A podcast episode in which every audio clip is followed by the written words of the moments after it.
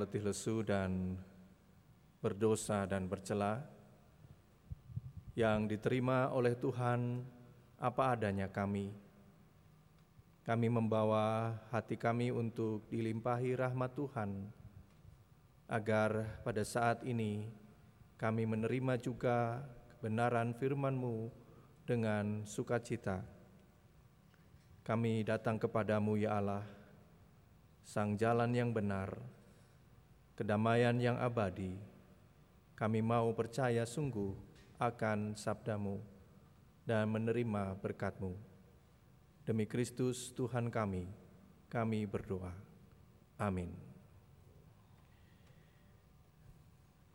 Bapak, Ibu, dan saudara-saudara yang dikasihi Tuhan, firman Tuhan yang menjadi dasar persiapan perjamuan kudus pada malam hari ini diambil dari Surat Yakobus pasal 5 ayat 7 sampai dengan ayatnya yang ke 11.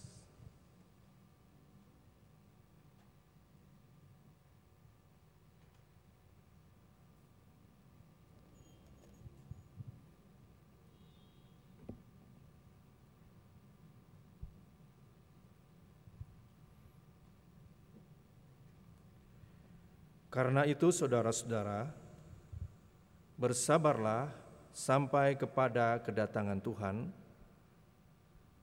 Sesungguhnya petani menantikan hasil yang berharga dari tanahnya, dan ia sabar sampai telah turun hujan musim gugur dan hujan musim semi.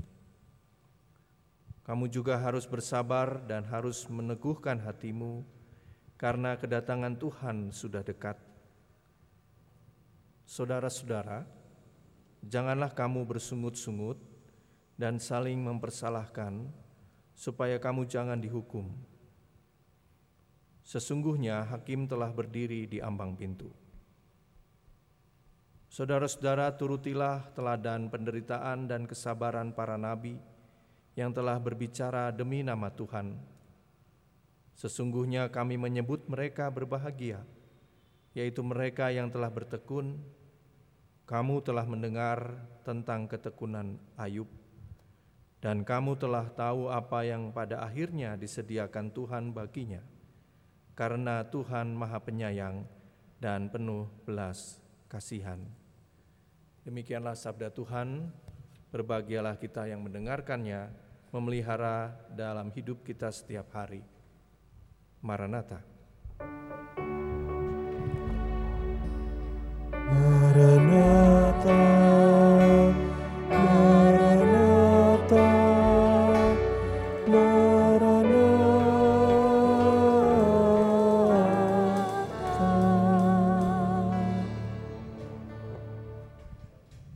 Ibu, dan Saudara yang terkasih, mari kita simak terlebih dahulu video berikut ini.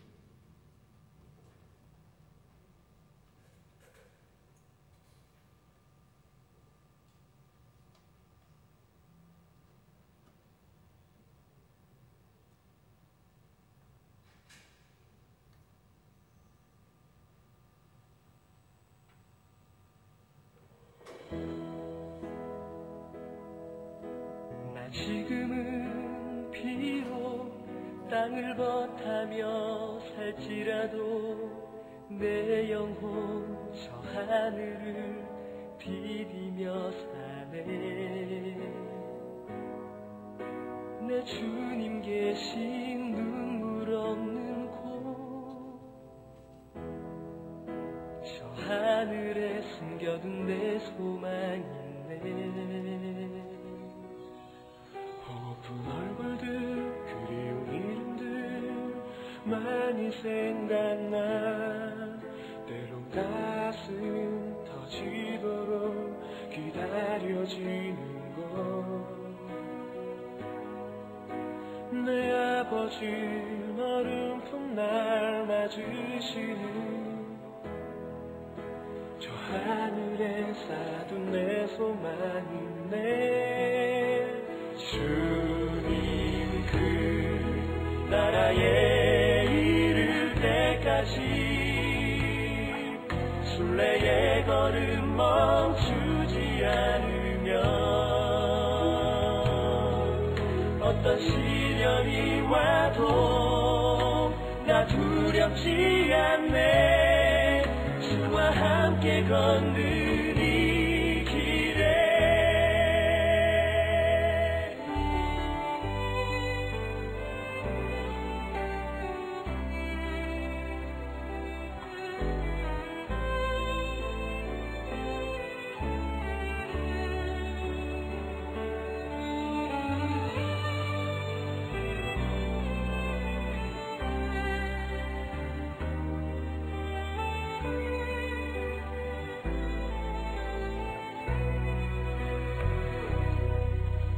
나 지금은 비록 땅을 버타며 살지라도 내 영혼 저 하늘을 디디며 사네.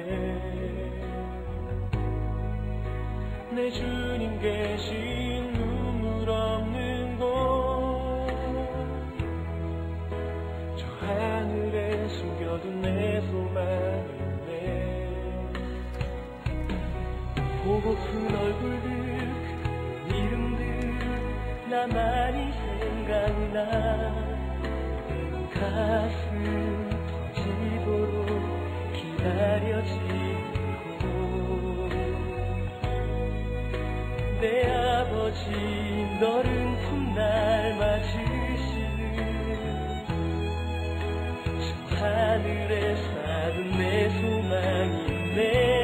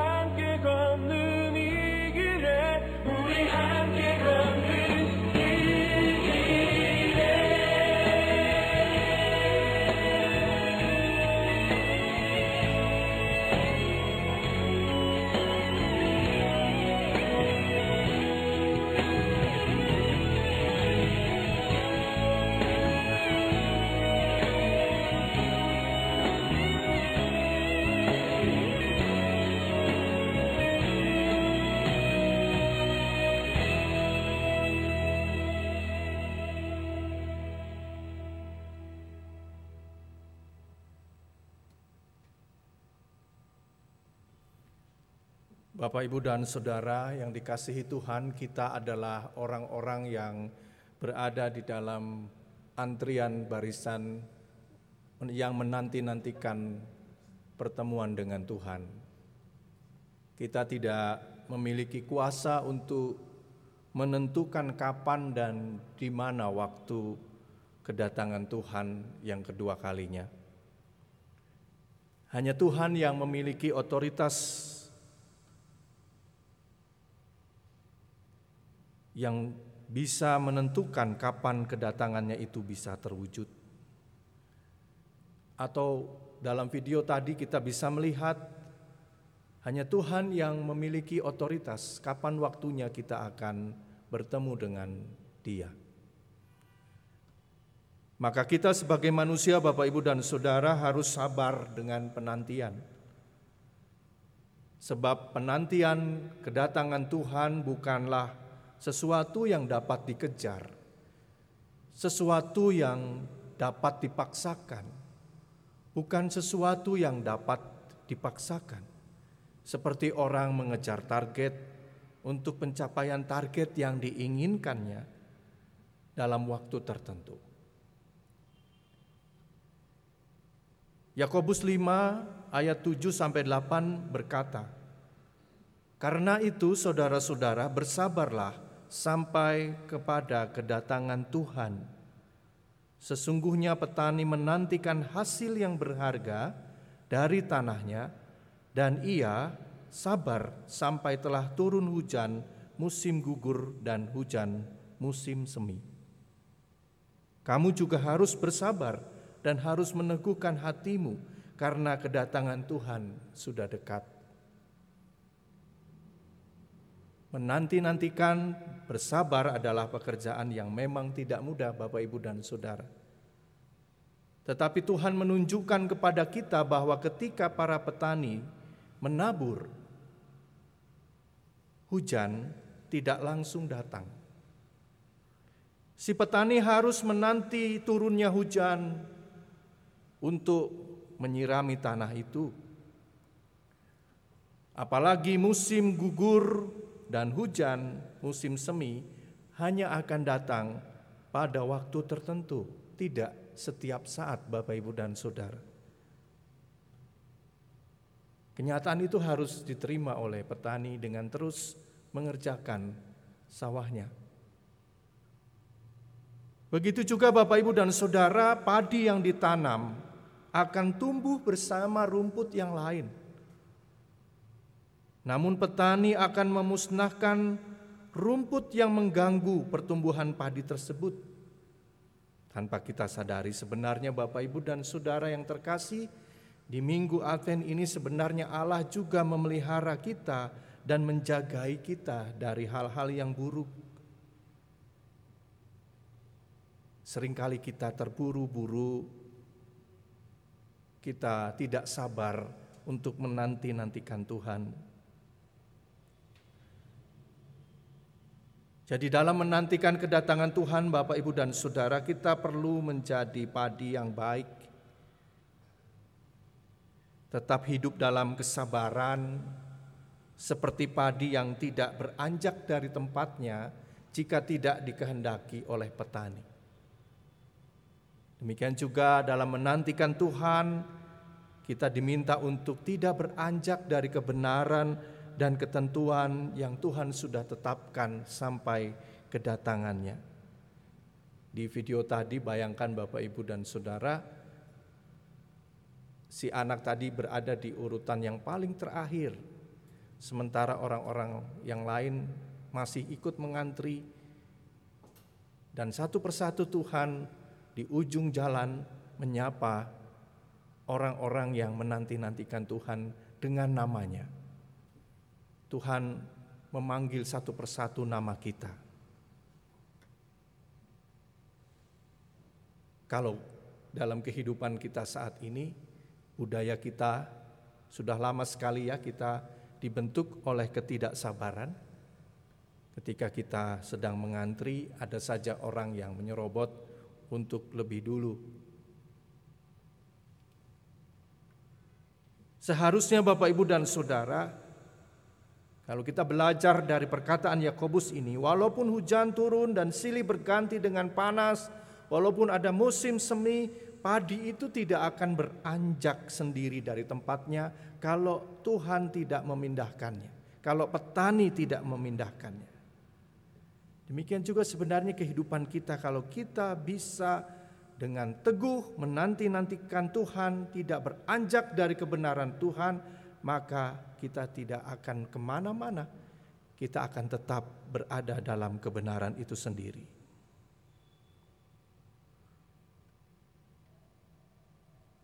Kemudian Yakobus juga mengingatkan kita Bapak Ibu dan Saudara ketika kita berada dalam penderitaan yang sering kali membuat kita tidak sabar.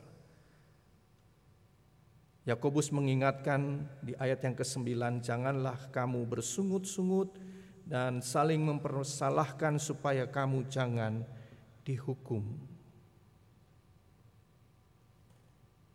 Ketika kita merasa dalam penderitaan itu merasa berat, sering kali yang kita lakukan adalah kita iri dan cemburu kepada orang lain. Kenapa orang lain seperti itu? Kenapa orang lain hidupnya lebih bahagia ketimbang kita?